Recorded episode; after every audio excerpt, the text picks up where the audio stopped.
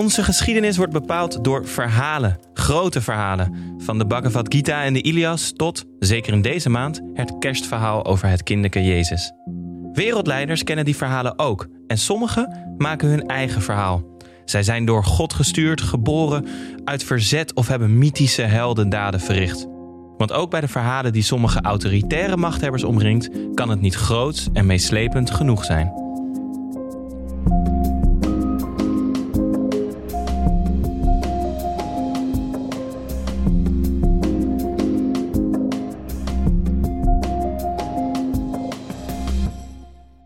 Welkom bij de podcast Wereldmachten. Mijn naam is Tim Agemaaks, ik ben journalist en neem je elke week mee in het geopolitieke spel achter het nieuws.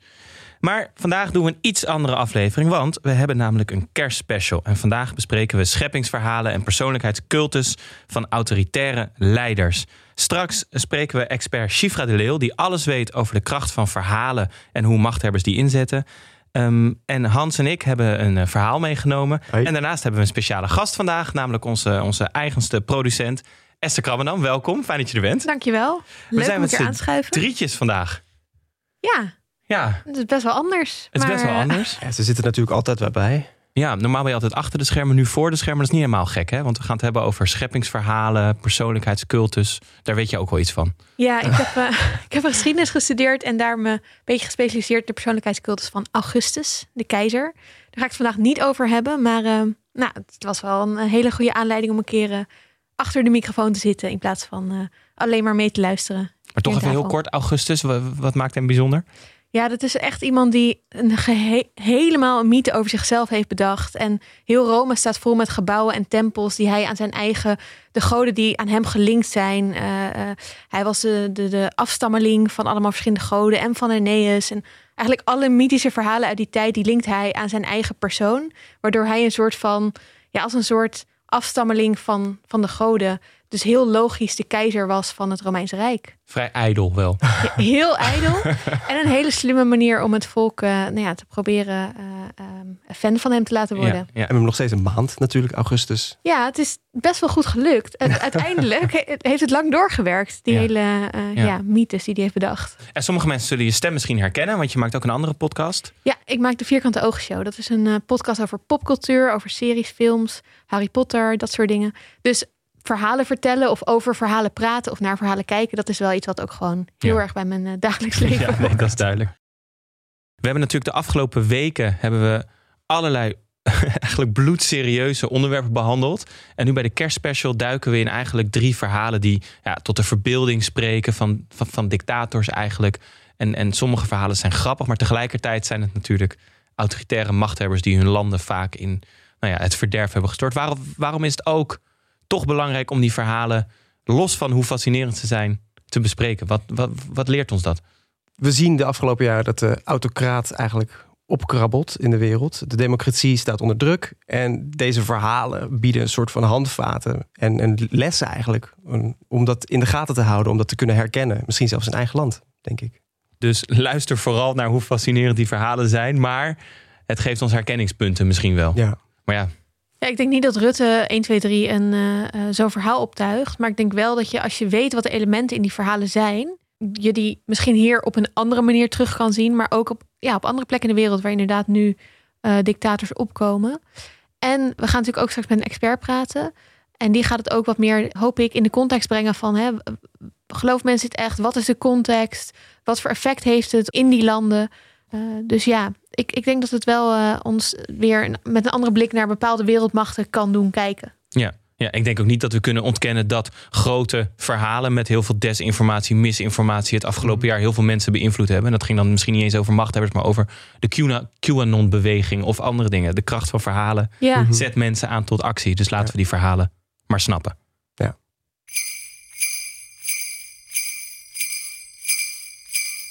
Ehm, Hans, wie heb jij meegenomen? Waar ga jij het zo straks over hebben? Ik ga het hebben over François Duvalier, een voormalige president van Haiti.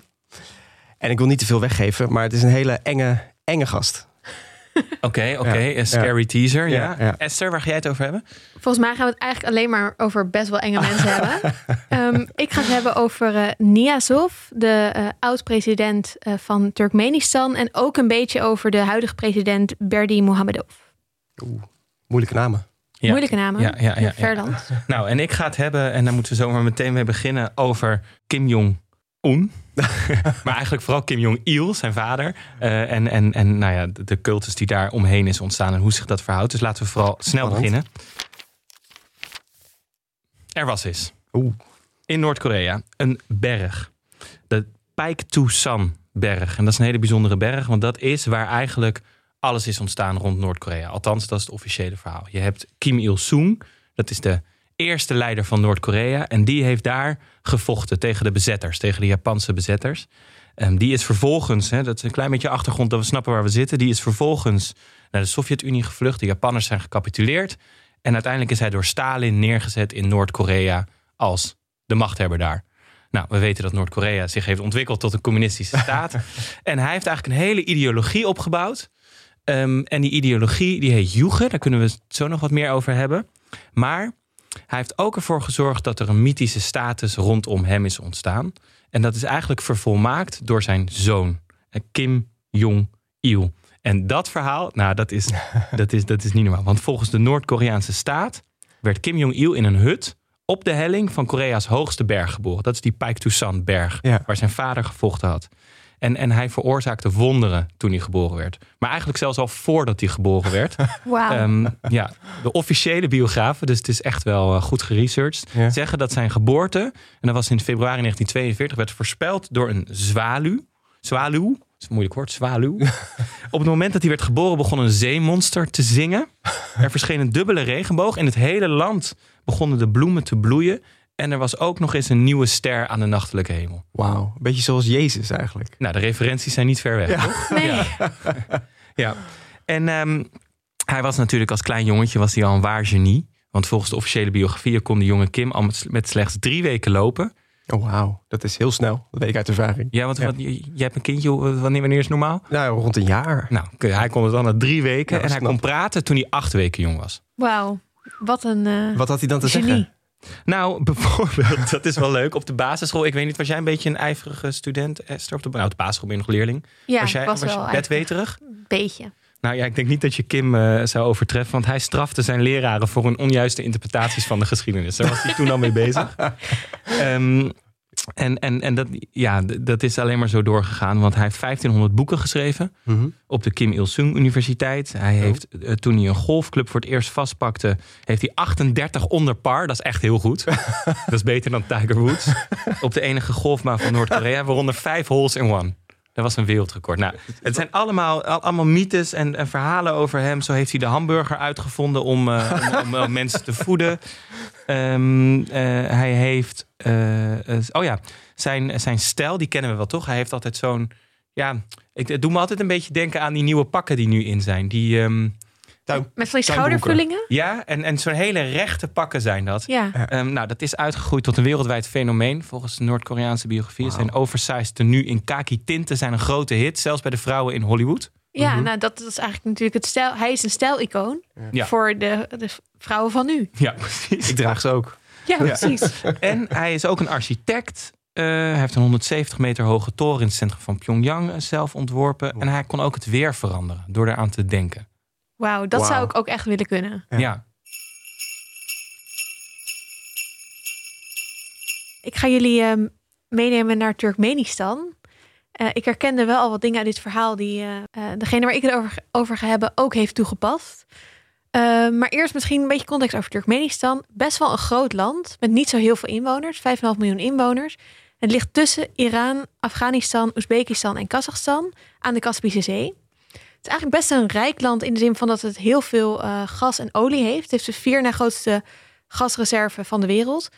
Alleen wordt al dat geld gebruikt door de leiders om eh, megalomane projecten uit te voeren in plaats van het volk te voeden. Herkenbaar. Ja, dit, is misschien ook een terugkerend eh, ding. De, de levensverwachting is 60 in het land.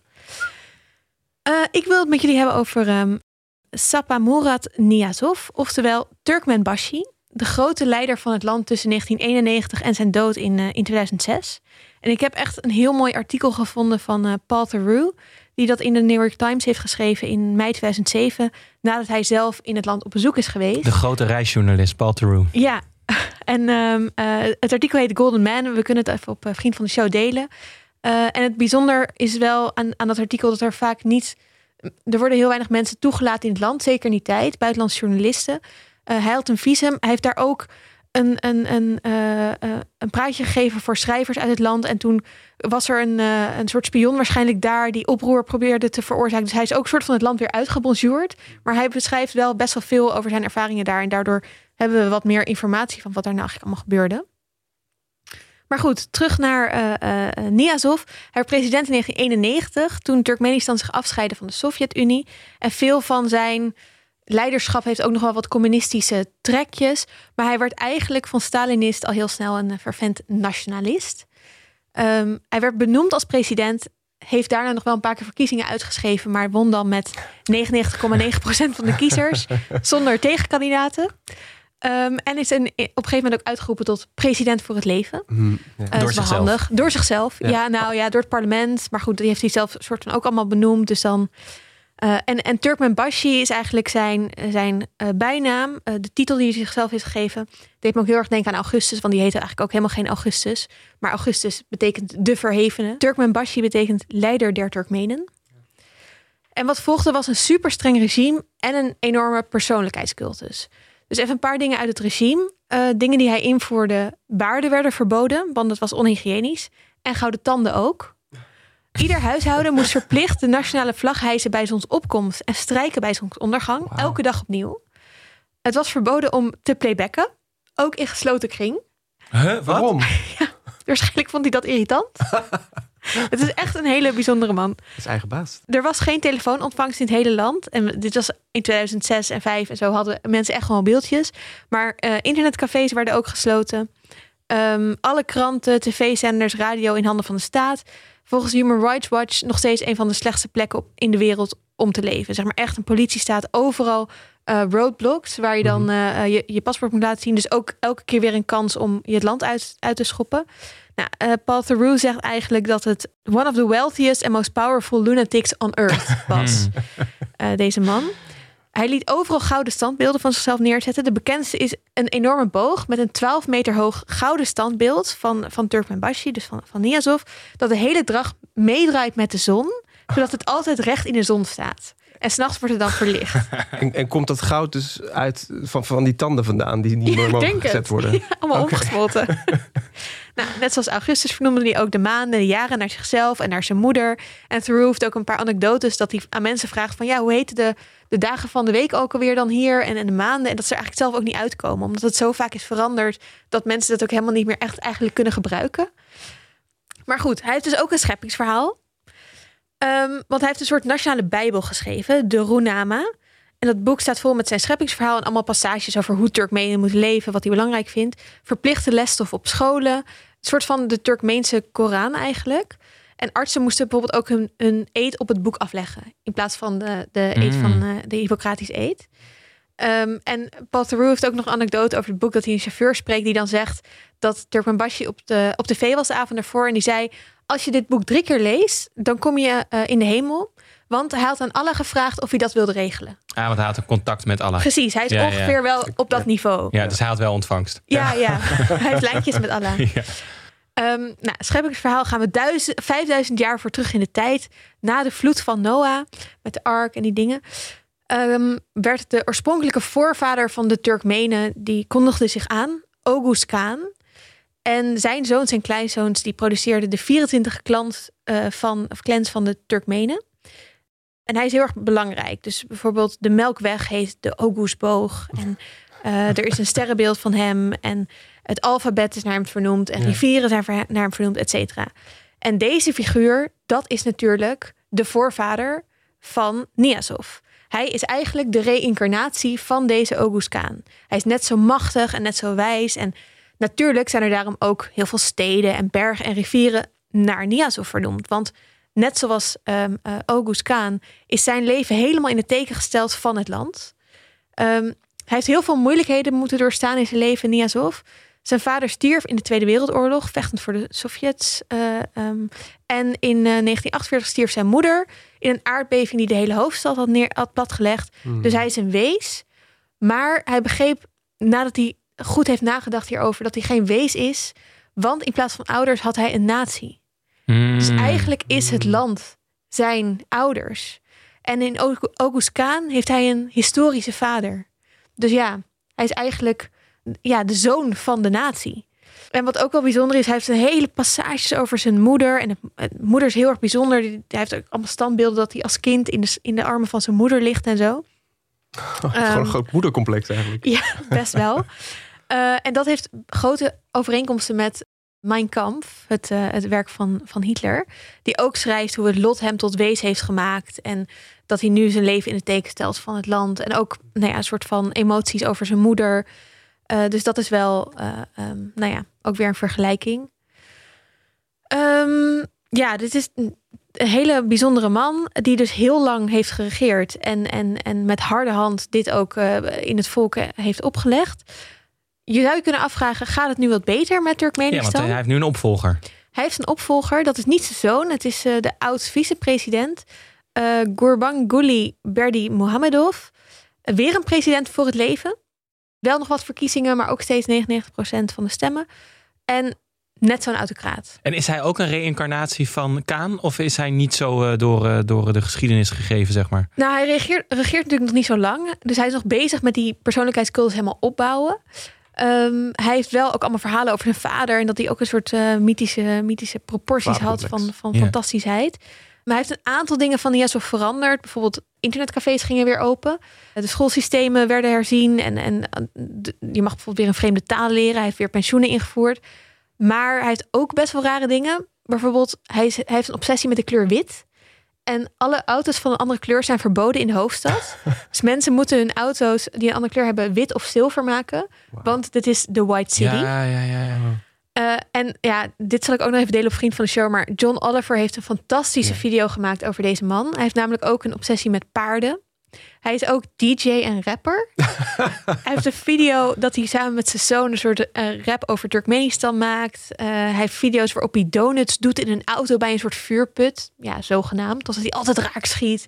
Nou, echt, eh, nou ja, de Kim Maar wat Jong- is dat toch? Want, het, het, het volk is, heeft een levensverwachting van 60. Ja. En, en, en dat gaat eigenlijk helemaal niet zo goed. Maar, maar hij en, en zijn voorganger, dus ook die Niazov, die hebben gewoon particuliere speeltjes. Ja, het is dus ook letterlijk dat dat geld, dat het dus best wel een rijk land is.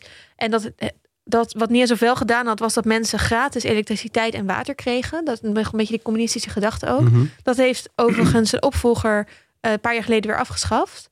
Maar ehm, eh, verder, dat geld werd dus gewoon echt uitgegeven aan bijvoorbeeld een, een, een city of een stad van, van marmer bouwen en zo. En gewoon Mhm. Nee, dat, dat standbeeld, dat kost gewoon miljoenen om te bouwen. Een gouden standbeeld van 12 meter wat met de zon meedraait. Dus dat geld, dat gaat... Er is heel veel corruptie, et cetera.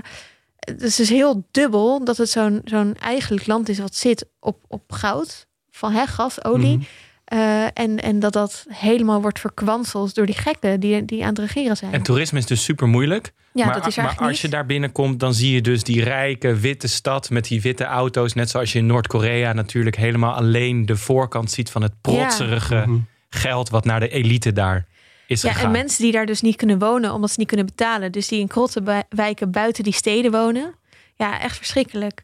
De- het is dus, nou ja, dat, dat wat ik al zei, Human Rights Watch zegt, dit is echt een van de erg de, de naarste plekken om, om geboren te worden, zeg maar, op de wereld. Ik denk dat dat Noord-Korea daar ook eh, bij zit. Hmm, ja. Ehm, dus ja, zo'n prachtig verhaal kan je hebben. En zo'n hele Bijbel schrijven en et cetera. En ondertussen eh, een, een verschrikkelijk land leiden.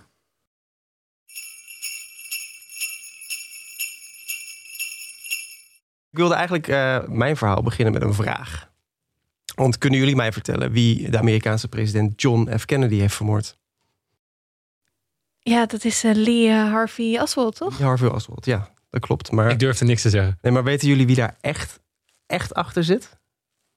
Ik hoop dat jij me dit gaat vertellen. Is de, is de deep state? Is Kim Jong-il?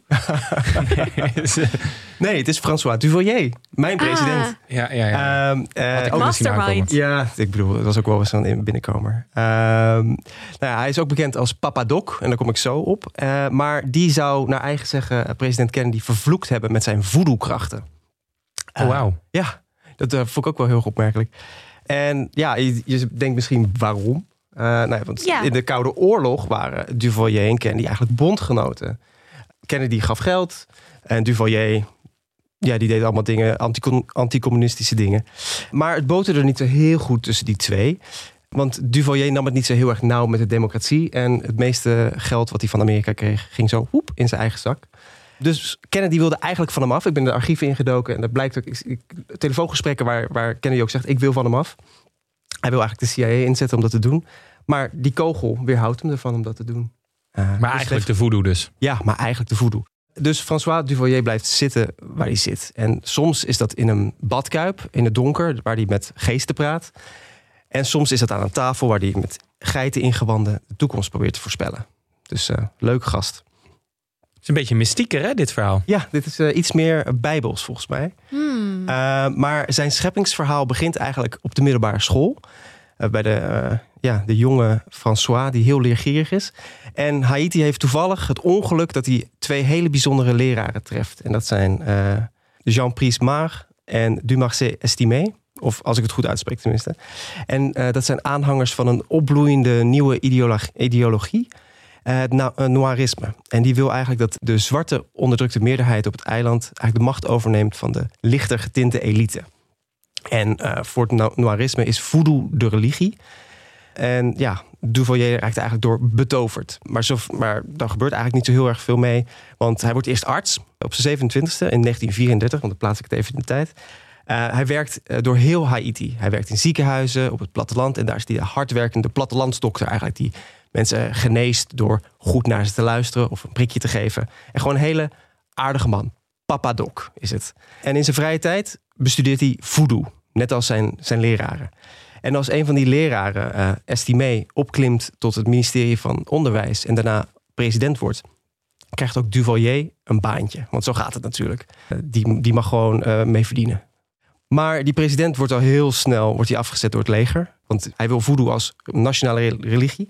Mm. En hij begint de macht te verdelen op het eiland. Dus die zwarte meerderheid en die witte, wittere elite. En ja, dat vindt het leger niet zo heel erg fijn. Dus die zet hem meteen af. En Duvalier verliest natuurlijk meteen zijn baan. En hij slaat twee jaar op de vlucht. In de, in de heuvels leeft hij. En hij leert ook meteen zijn allereerste les als toekomstige dictator. Vertrouw het leger nooit. Hmm. En als er in 1956 politieke amnestie wordt uh, uitgedeeld en er nieuwe verkiezingen worden uitgeschreven, staat hij meteen vooraan. En ja, de kiezers zijn helemaal idolaat van hem. Want het is Papa Doc, die vriendelijke man die ons gaat helpen. Die het hele land doorging om mensen te helpen ja, als die, arts. En die nu ook het land gaat genezen als het ware. Hmm. En, en voodoo helpt natuurlijk ook. Ja, ja, ja. ja. En iedereen is helemaal blij van hem. Hij is, hij is een hervormer. Maar dat voodoo blijft nog een beetje op de achtergrond. Dat okay, komt pas okay. later. Ja, maar hij had zelf natuurlijk wel het beïnvloed met voodoo. Ja, ik denk het wel. Ik denk het wel. Lijkt me. Ja. En een jaar later, in 57, wordt hij dus verkozen tot president. En dan staat Papa Doc opeens in het pre presidentiële paleis. Iedereen denkt, ah jee, dat, die gaat ons genezen. Maar nee, hij ontpopt zich meteen tot die dictator die hij eigenlijk later wordt. En hij zuivert meteen het leger en de politieke elite. En dat is heel belangrijk, want uh, 36 van zijn voorgangers... daar zijn 23 van afgezet of vermoord. Dus het is wel op zich een tactische zet van hem. Ja, de oppositie meteen uitschakelen. Ja, en wat hij doet is meteen paramilitaire uh, militie opzetten. De Tonton Macout. Dat is Creools voor boemannen. En dit zijn 10.000 mannen die allemaal gekleed gaan als jaren 30 gangsters. Dus een blauw Serge Maat kostuum, zonnebrillen, een vilthoed. En Duvalier die gaat zich ook steeds meer in het zwart kleden. En hij modelleert zich eigenlijk naar de voedelgeest van de dood, Baron Samedi. Dus uh, hij ziet er, mm. bedoel, alles, hij krijgt ook zwarte gordijnen in het president, presidentiële paleis. Het wordt allemaal heel erg donker. Ik ga straks een blaadje opzoeken van deze man. Ja, dit is heel erg leuk. Uh, uh, um, en ja, die Tonton die terroriseren dus eigenlijk het hele land. En niet alleen maar gewoon de tegenstanders van Duvalier, maar gewoon iedereen. Persen ze af, ranselen ze af. En eigenlijk is de boodschap die Duvalier wil uit, uitzenden van niemand mag met mij sollen. En dat gebeurt ook niet, of ze nu levend of dood zijn. Want Duvalier uh, beveelt ook zijn Tonton om bijvoorbeeld de hoofden en harten van zijn tegenstanders naar hem toe te brengen. En die harten zou hij dan opeten. En met die hoofden zou hij praten met zijn tegenstanders die een dodenrijk zijn.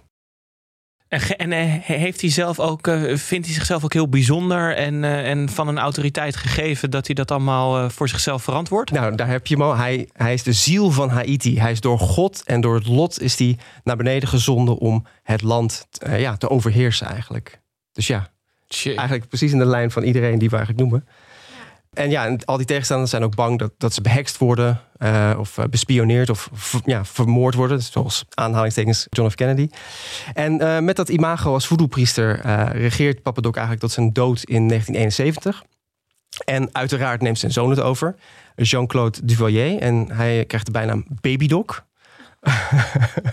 en uh, ja, dat klinkt heel leuk, maar hij zet gewoon die gruwelijke repressie van zijn vader door. Alleen hij geeft het regime eigenlijk een vriendelijker gezicht. Vooral voor de buitenlandse investeerders. En hij doet het een tandje zachter met de, met ja. de voodoo. Uh, want ja, dat, dat schrikt toch mensen een beetje af. En eigenlijk is dat, ja, misschien had hij beter kunnen luisteren naar de voodoo-geesten zoals zijn vader. Want ja, hij is niet heel erg lang aan de macht. In 1978 komt er namelijk een Bijbelse plaag naar Haiti. Het is ook niet de eerste uh, sinds de noodlottige landing van Christopher Columbus in 1492. En het is ook niet de laatste. In 1978 breekt namelijk de Afrikaanse varkenspest uit. En meer dan een miljoen varkens gaan daar uh, aan dood of worden geruimd. En juist die varkens die zijn voor het platteland heel belangrijk. Het zijn een soort van spaarvarkentjes eigenlijk. Uh, met de verkoop van één varken kan je twee jaar lang naar school. Ja, dus die hele oh. economie stort in. Die hele economie stort in. Maar daar is natuurlijk Amerika, die stuurt noodhulp. Maar ja, dat verdwijnt opnieuw in de zakken van uh, Baby Doc en zijn regime. En dat is nu eigenlijk het begin van alle onrust die in 1986 Baby Doc uh, laat vluchten naar Frankrijk. En dat is dus ook meteen het einde van het Duvalier-regime. En, en hoe, wie regeert er nu in Haiti? Is daar nu uh, dat, maar in ieder geval, de, de, daar is niet meer een chevalier. Dat die, die, die, die lijn is afgesloten. Ja, nou, hij is nog even teruggekomen in 2011. Keerde die terug. En dat was heel erg, ja, zorgde voor heel veel onrust. Uh, omdat ze dachten, nou, hij gaat weer aan de macht grijpen. Maar uh, in 2014 gaat hij dood aan een hartaanval. They dodged the bullet daar weer. Ja, ja, ja. En, en hij, zeg maar, de overeenkomsten zijn geld in eigen zakken en, ja. en, en daar goed van leven. Ja. Qua mythische verhalen zou dan uh, Papa Doc uh, John F. Kennedy hebben vermoord met ja. zijn voodoo. Dat voodooïsme, dat is dan het mystieke eraan. Ja, dat is eigenlijk de hele kapstok voor het hele regime geweest. Ja. ja. Maar ik vind ook wel de angst dat je soort van... De angst dat je wordt vermoord is natuurlijk al heel groot. Maar zeker als je een beetje gelooft in, in voodoo... Of, of sowieso in mystieke dingen... dan is de angst dat, na, dat ook nog jouw ziel... of dat je na je dood ook nog wordt getormenteerd door deze man... omdat hij je hart opeet en weet ik veel wat... en nog je hoofd heeft om tegen je te praten. Ja. Een soort van dubbele hel. Ja, het, het is een soort van de surveillance staat alleen dan... Ja, ook nog na de harder. dood. Ja. Ja, ja, hem is niet zeg maar de, de legitimiteit gegeven door een kracht. Hij is de kracht. Hij is ook meteen de kracht, ja. Ja, hij is zelf de god. Ja. Een soort van. Ja. Nou ja, en je, het is ook grappig. Hij sliep ook heel vaak, uh, althans zei hij dan, dat hij dan ging slapen in uh, tombes van, van overleden uh, Haitiaanse vrijheidsstrijders. Ook een soort vampier. Ja.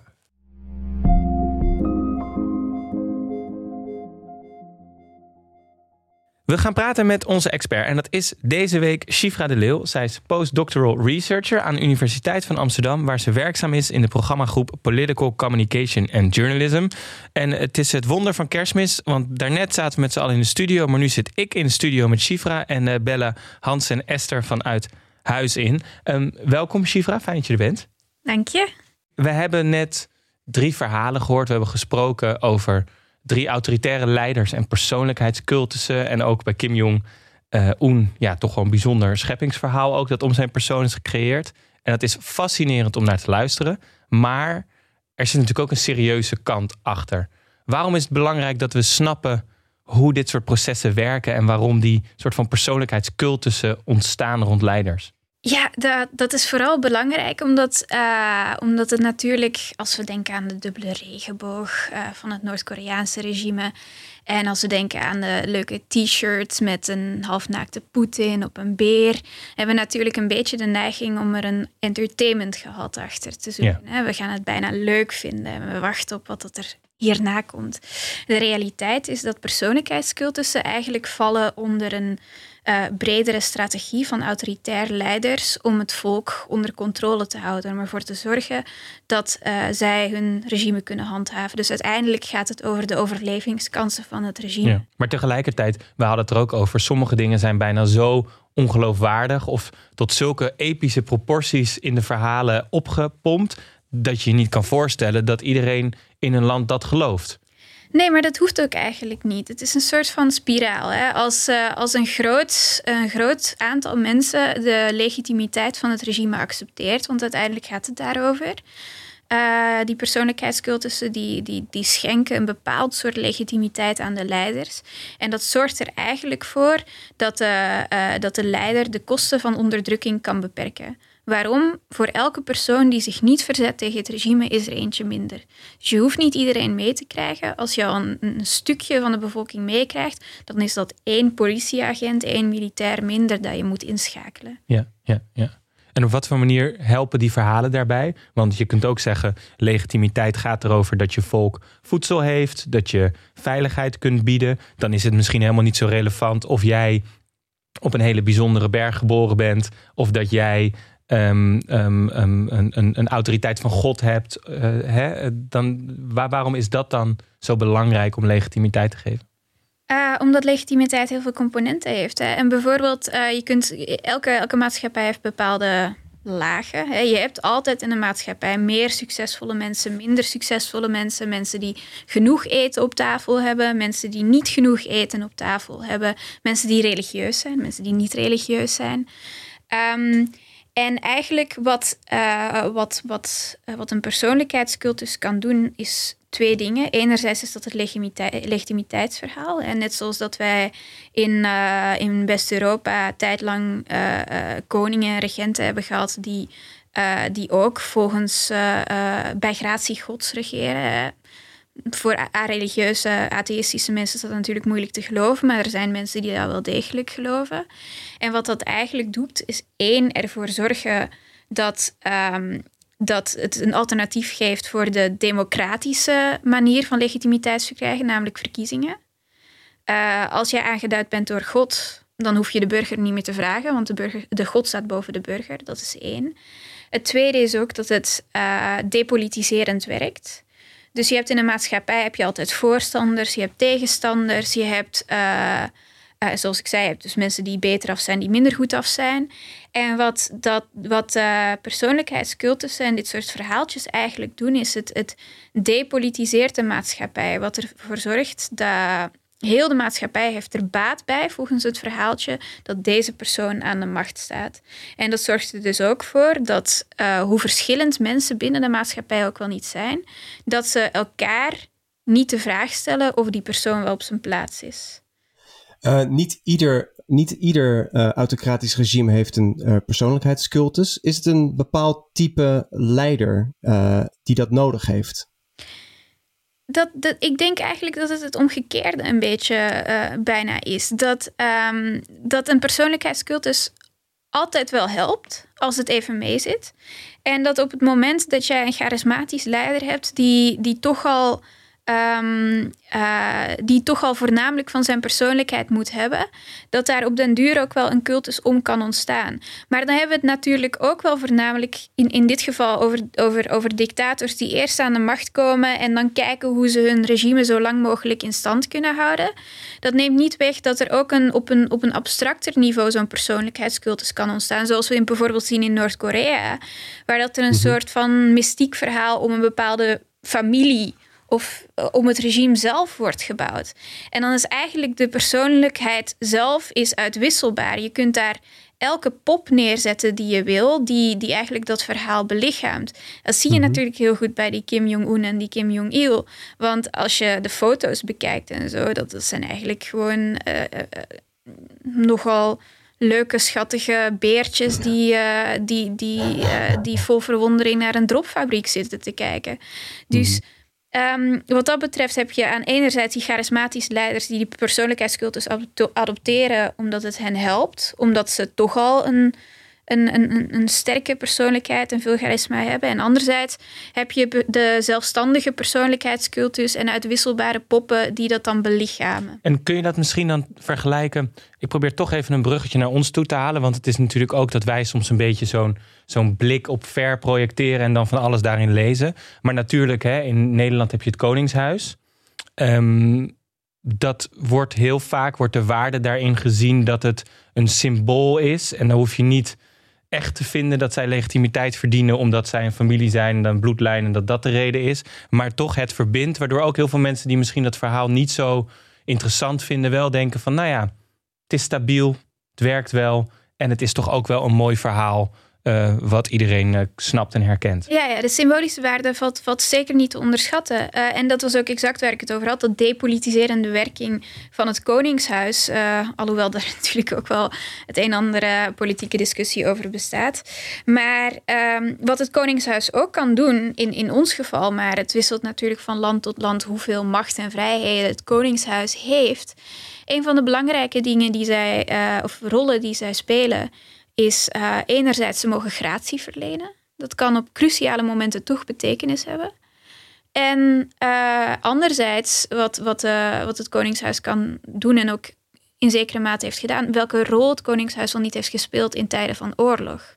En dat zie je ook bij heel veel dictators, voornamelijk dictators in, in militaire dictaturen, dat die toch ook heel veel legitimiteit ontlenen aan de, um, de rol die zij kunnen spelen in het beschermen van het land. Hè. Een, een, een regime moet in tijden van oorlog daadkrachtig zijn. Het heeft helemaal geen tijd om, om, om, om lang uh, veel tijd te verspillen in, in parlementaire discussies en zo. Uh, het moet natuurlijk ook een symbool zijn voor de natie dat zij uh, dat zij in staat zijn om, om veiligheid te geven en zich kunnen verdedigen tegen die externe vijand.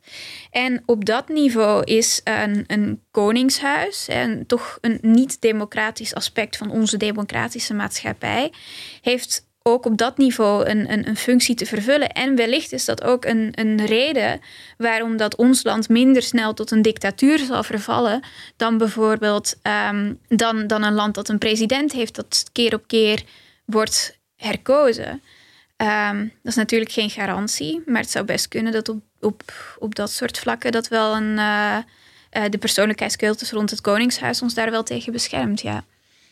Ik had uh, een verhaal meegenomen over, over Turkmenistan. En wat ik me best vaak afvroeg is: geloven mensen dit nou echt? Maar als ik je zo hoor, denk ik, dan is het dus misschien belangrijker dat ze misschien niet elk letterlijk dingetje geloven, maar wel geloven dat er een reden is dat, dat uh, deze persoon heerser is. Net zoals wij geloven in democratie en daardoor Mark Rutte als leider zien.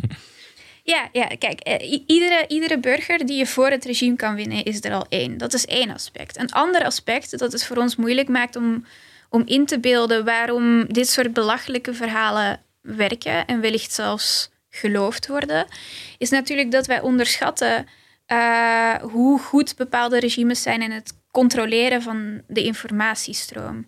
We hebben natuurlijk toegang tot, een, tot, tot het internet. We hebben uh, buren die in aanraking komen met andere informatie dan wij. Uh, als we ontevreden zijn met het NRC Handelsblad, dan kunnen we het Parool of de Telegraaf openslaan of zelfs een roddelblaadje. Um, maar in autoritaire regimes is dat natuurlijk een heel ander verhaal. Heel vaak hebben mensen maar toegang tot één bron van informatie. En als jij steeds opnieuw met dezelfde informatie geconfronteerd wordt en die informatie zijpelt tegelijkertijd op andere manieren tot bij jou, via jouw buren, via jouw onderwijs, uh, via jouw familie. Als je dat maar blijft horen en blijft herhalen, dan zijn heel veel mensen toch uh, geneigd om om informatie te geloven, ondanks dat zij in potentieel het, een gezond kritisch verstand hebben mhm. natuurlijk. Want jij bent gespecialiseerd in politieke communicatie. Ja. Als jij nu zo'n verhaal zou moeten opbouwen. Want kijk, het is natuurlijk niet zo. Het is niet zo dat iemand gaat zitten en die gaat bedenken hoe ga ik vandaag mijn persoonlijkheidscultus opbouwen. En we gaan een script schrijven, we zetten het in de Google Doc, er kijkt nog een adviseur na. En na een paar weken hebben we dat helemaal zo mooi opgebouwd. Maar toch, wat zijn nou elementen die eigenlijk overal wel in terugkomen? Of waarvan je zegt, dit, dit, dit, dit maakt een, een nou, dit, dit is een ingrediënt van succesvolle persoonlijkheidscultussen of soms ook wel scheppingsverhalen. Ja, ik denk dat het eigenlijk moet voldoen aan alle eigenschappen van een, een goede leugen. En ik denk dat het belangrijkste criterium voor een, voor een goede leugen is dat het moeilijk weerlegbaar is.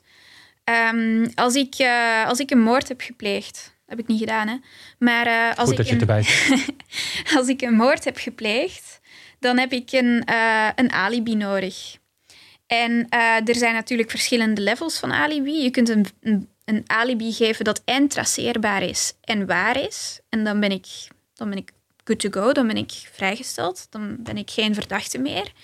Het tweede kwaliteit van alibi is, ehm, eh, of een andere optie van alibi, is dat je een, een, een, een plek geeft waar camera's hangen en waar mensen waren en weet ik veel wat. En dan kunnen mensen gaan traceren van, hey, was jij wel aanwezig? En een derde vorm van alibi, en dat is eigenlijk waar persoonlijkheidscultussen uh, uh, zichzelf op beroepen, zijn niet valideerbare vormen van, van, van, van verhalen. Wat ik daarmee bedoel is dat als ik zeg van ik was alleen thuis, niemand kan dat bevestigen, niemand kan dat weerleggen.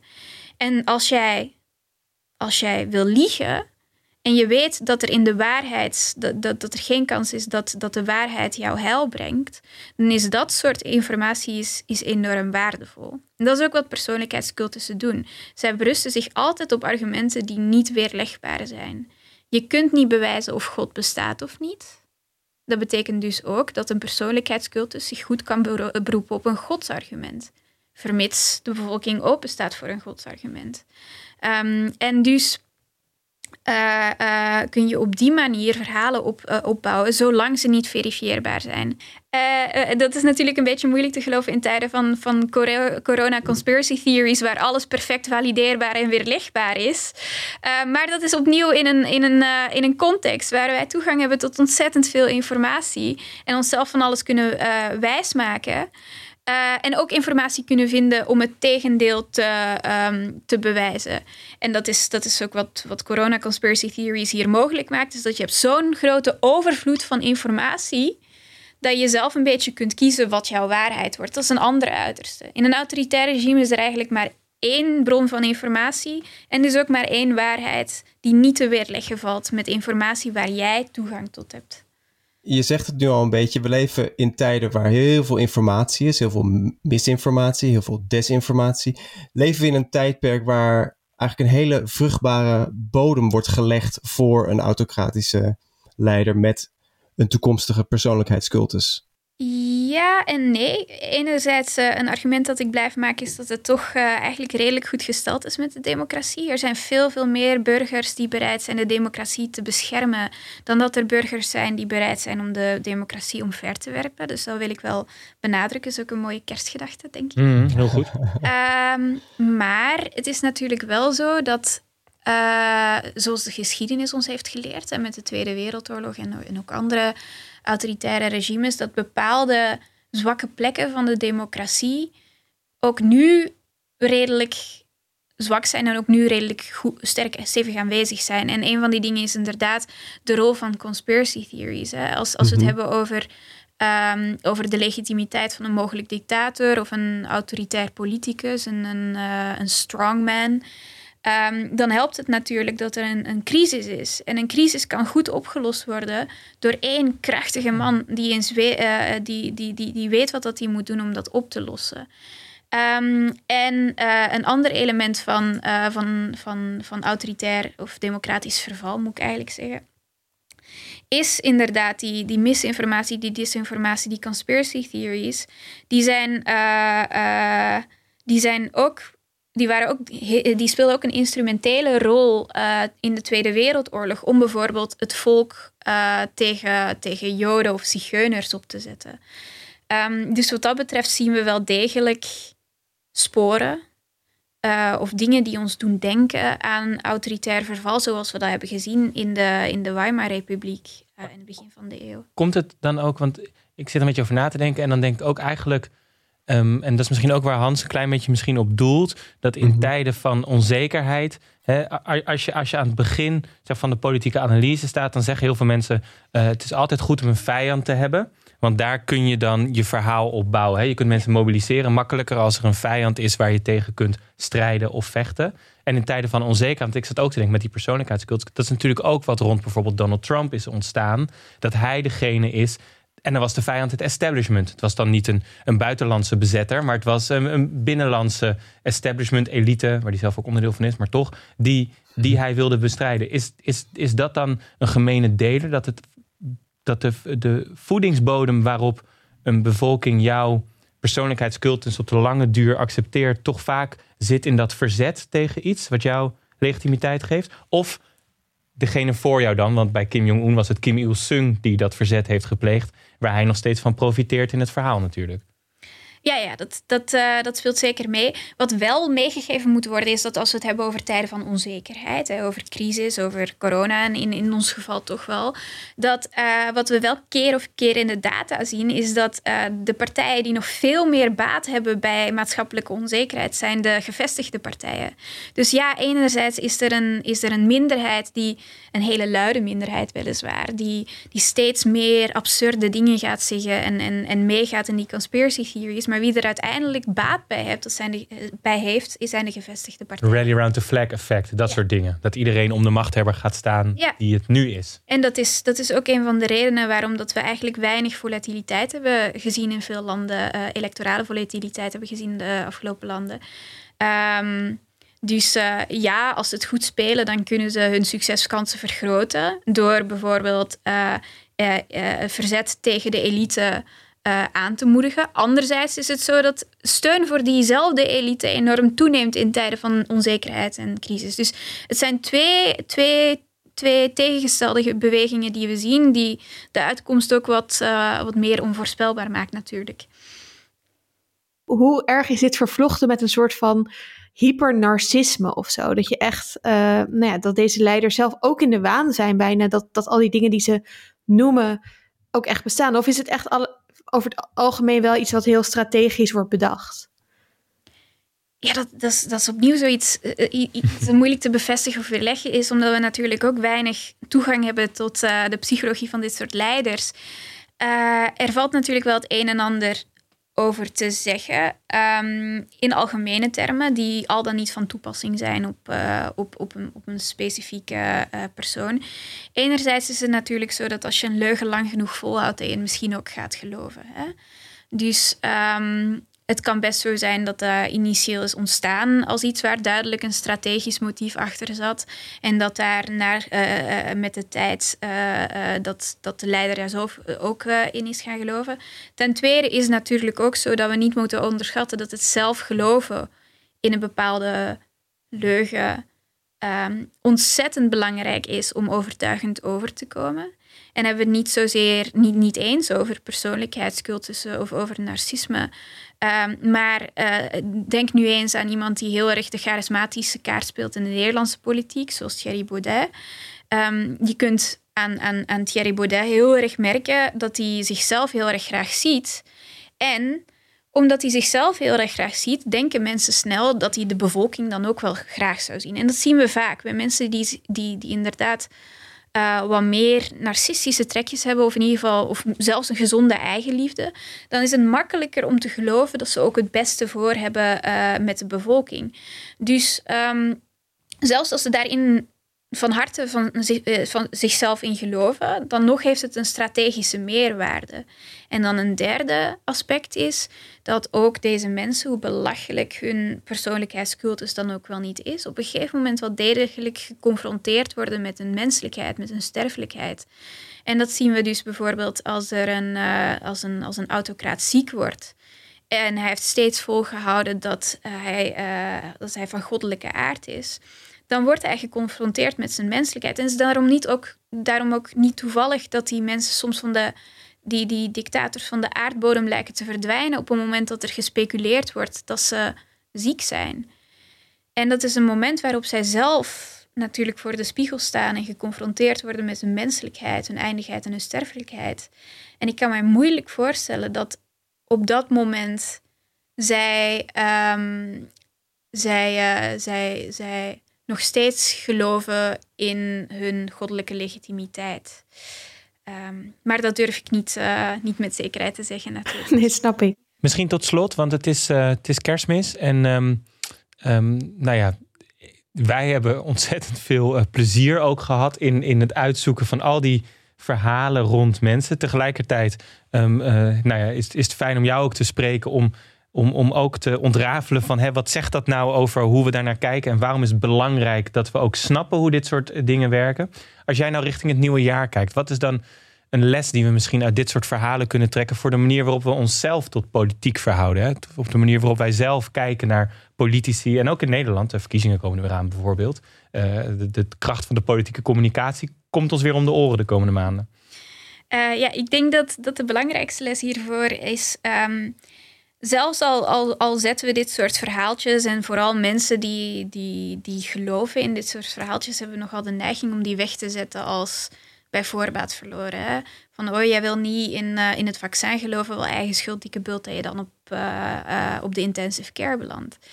Maar ik denk dat er um, zelfs bij die, die, die groep die zichzelf nu eigenlijk aan het afzonderen is van de maatschappij, en dat is letterlijk nu zo dat we een tweedeling krijgen tussen gevaccineerden en niet-gevaccineerden, um, dat zelfs die groep een hele brede set van, van legitieme belangen heeft die wellicht niet op de juiste manier door de politiek worden beantwoord.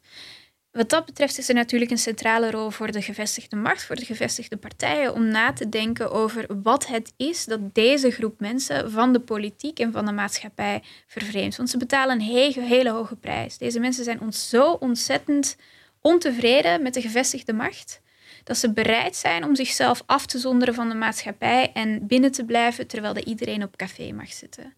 Die prijs is zodanig hoog dat ik vind dat wij uh, met z'n allen toch wel eens na moeten denken over wat we kunnen doen om ook de belangen van deze groepen te verdedigen op een manier dat wij, ja, die dat natuurlijk acceptabel is, dat wij er zelf ook belang bij hebben. Dus ons afvragen wat de legitieme belangen van deze groep zijn, om dat vijandschap naar de gevestigde macht uh, weg te krijgen. En daarmee misschien ook het voedings, de voedingsbodem weg te halen voor autoritaire leiders om daaruit op te staan.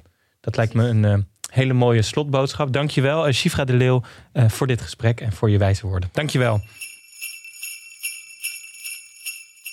Ja, we hoorden net Shifra de Leeuw. We moeten toch ook, ja, hoe leuk het ook is, al die verhalen, we moeten er ook lessen van trekken. Ook, wat, wat, wat, neem je hiervan nou mee, Esther, richting het kerstdiner? Dan zit je daar aan tafel wat, wat zijn nou de lessen die we daar kunnen? Nou, ik vond het heel mooi waar, waar ze mee eindigden. Dus uh, het lijkt me heel erg van toepassing in deze tijd. Dat we misschien wat meer naar elkaar moeten luisteren. En, en uh, dat er ook eh, ruimte moet zijn, denk ik, voor, voor uh, mensen die een, die een heel ander beeld hebben van de werkelijkheid dan ik zelf misschien. Ja. Um, en ook hoe, hoe, hoe vatbaar je er misschien zelf voor, voor bent op sommige momenten. En dat je bij anderen wat sneller in het extreme trekt. Terwijl daar hele mechanismes achter zitten misschien. Ja, ja. En dat ik dus niet uh, uh, neerbuigend kijk naar mensen die uh, denken dat, nou ja, die wel geloven in, in de persoonlijkheidscultus van de koning. Ja. Bijvoorbeeld. Of het maar even ja. huis te brengen. Of, of een oma aan het kerstdiner Hans die zegt dat de vaccinaties een complot zijn van de Sorossen. En die, mm -hmm. die, die zegt dat nou ja, uiteindelijk Trump toch de enige is die de strijd tegen het uh, establishment voert. Ja, ja dat je... Wat ga je nu terugzeggen dan? Ja, ik denk dat het gewoon heel belangrijk is dat we eerst een soort van gemeenschappelijke grond vinden. Maar ja, ik, ik, ik ben toch wel een beetje activistisch. Blijf ik, ben ik en blijf ik, uh, ja, fascisten. Uh, als het fascistische uitlatingen zijn, ja, dan is er maar één ja. oplossing voor. En dat is gewoon de deur uitsturen, die oom. Ja, met zijn gourmetpannetje. Ja, precies. Ja. wordt gezellig deze kerst. nou, we gaan zien hoe het kerst... Ik ben heel benieuwd in januari om te horen hoe het kerstdiner was... en welke discussie jullie daar uh, gevoerd hebben. Ik vond het in ieder geval ontzettend leuk. Ik heb ook een hoop geleerd weer van... Uh, uh, ik heb een hoop geleerd van jullie, dus dank daarvoor. Esther, ik vond het ontzettend leuk dat jij aanschoof. Dat smaakt naar meer. Vond ik ook ja, heel leuk. Um, we gaan hem afronden. Dank jullie wel. Een fijne kerst. Um, jullie beiden. Jij ook. En de luisteraar natuurlijk. En de luisteraar, uh, enorm fijne kerst. Volgende week zijn we er wel nog één keer met een echte heuse nieuwjaarsspecial. Dus ga die ook luisteren. Dan hebben wij even twee weekjes geopolitieke pauze. En dan hebben we tijd om die Goodreads-lijst met boeken van Hans uh, eindelijk eens bij te lezen. Dus die kun je ook zelf vinden op Vriend slash wereldmacht. En daar vind je nog veel meer. Op 20 januari zijn we bij je terug met de volgende aflevering. En mocht je nou tips hebben of onderwerpen waarvan je denkt... het is een schande dat het daar nog niet over gegaan is... Uh, stuur dat dan vooral naar ons. Dat kan ook via vriendvandeshow.nl slash wereldmachten. En je kunt er ook artikelen delen die je ons wil aanraden. Nou, je mag ons alles uh, toesturen terwijl je op de bank zit... Uh, na, uit de buiken. uit de buiken. Of brak naar oud en nieuw. En verder mag je toch nergens naartoe. Dus je hebt alle tijd om bij te lezen. Um, dus doe dat vooral. Veel dank. En uh, fijne kerst en goed uiteinde. Um, Bedankt voor het luisteren. Bedankt Hans, bedankt Esther, bedankt Shifra de Leeuw, onze expert van deze week. Uh, je luisterde naar een podcast van Dag en Nacht Media in samenwerking met de Buitenlandredactie. Productie door Esther Krammendam, redactie door Meerte van Munster, montage door Meerte van Munster en Jeroen Sturing, eindredactie Anne Janssens. De intromuziek deze aflevering was van Studio Cloak. Je vindt ons op vriendvandeshow.nl slash wereldmachten en op Twitter op het account Wereldmachten. Fijne kerst!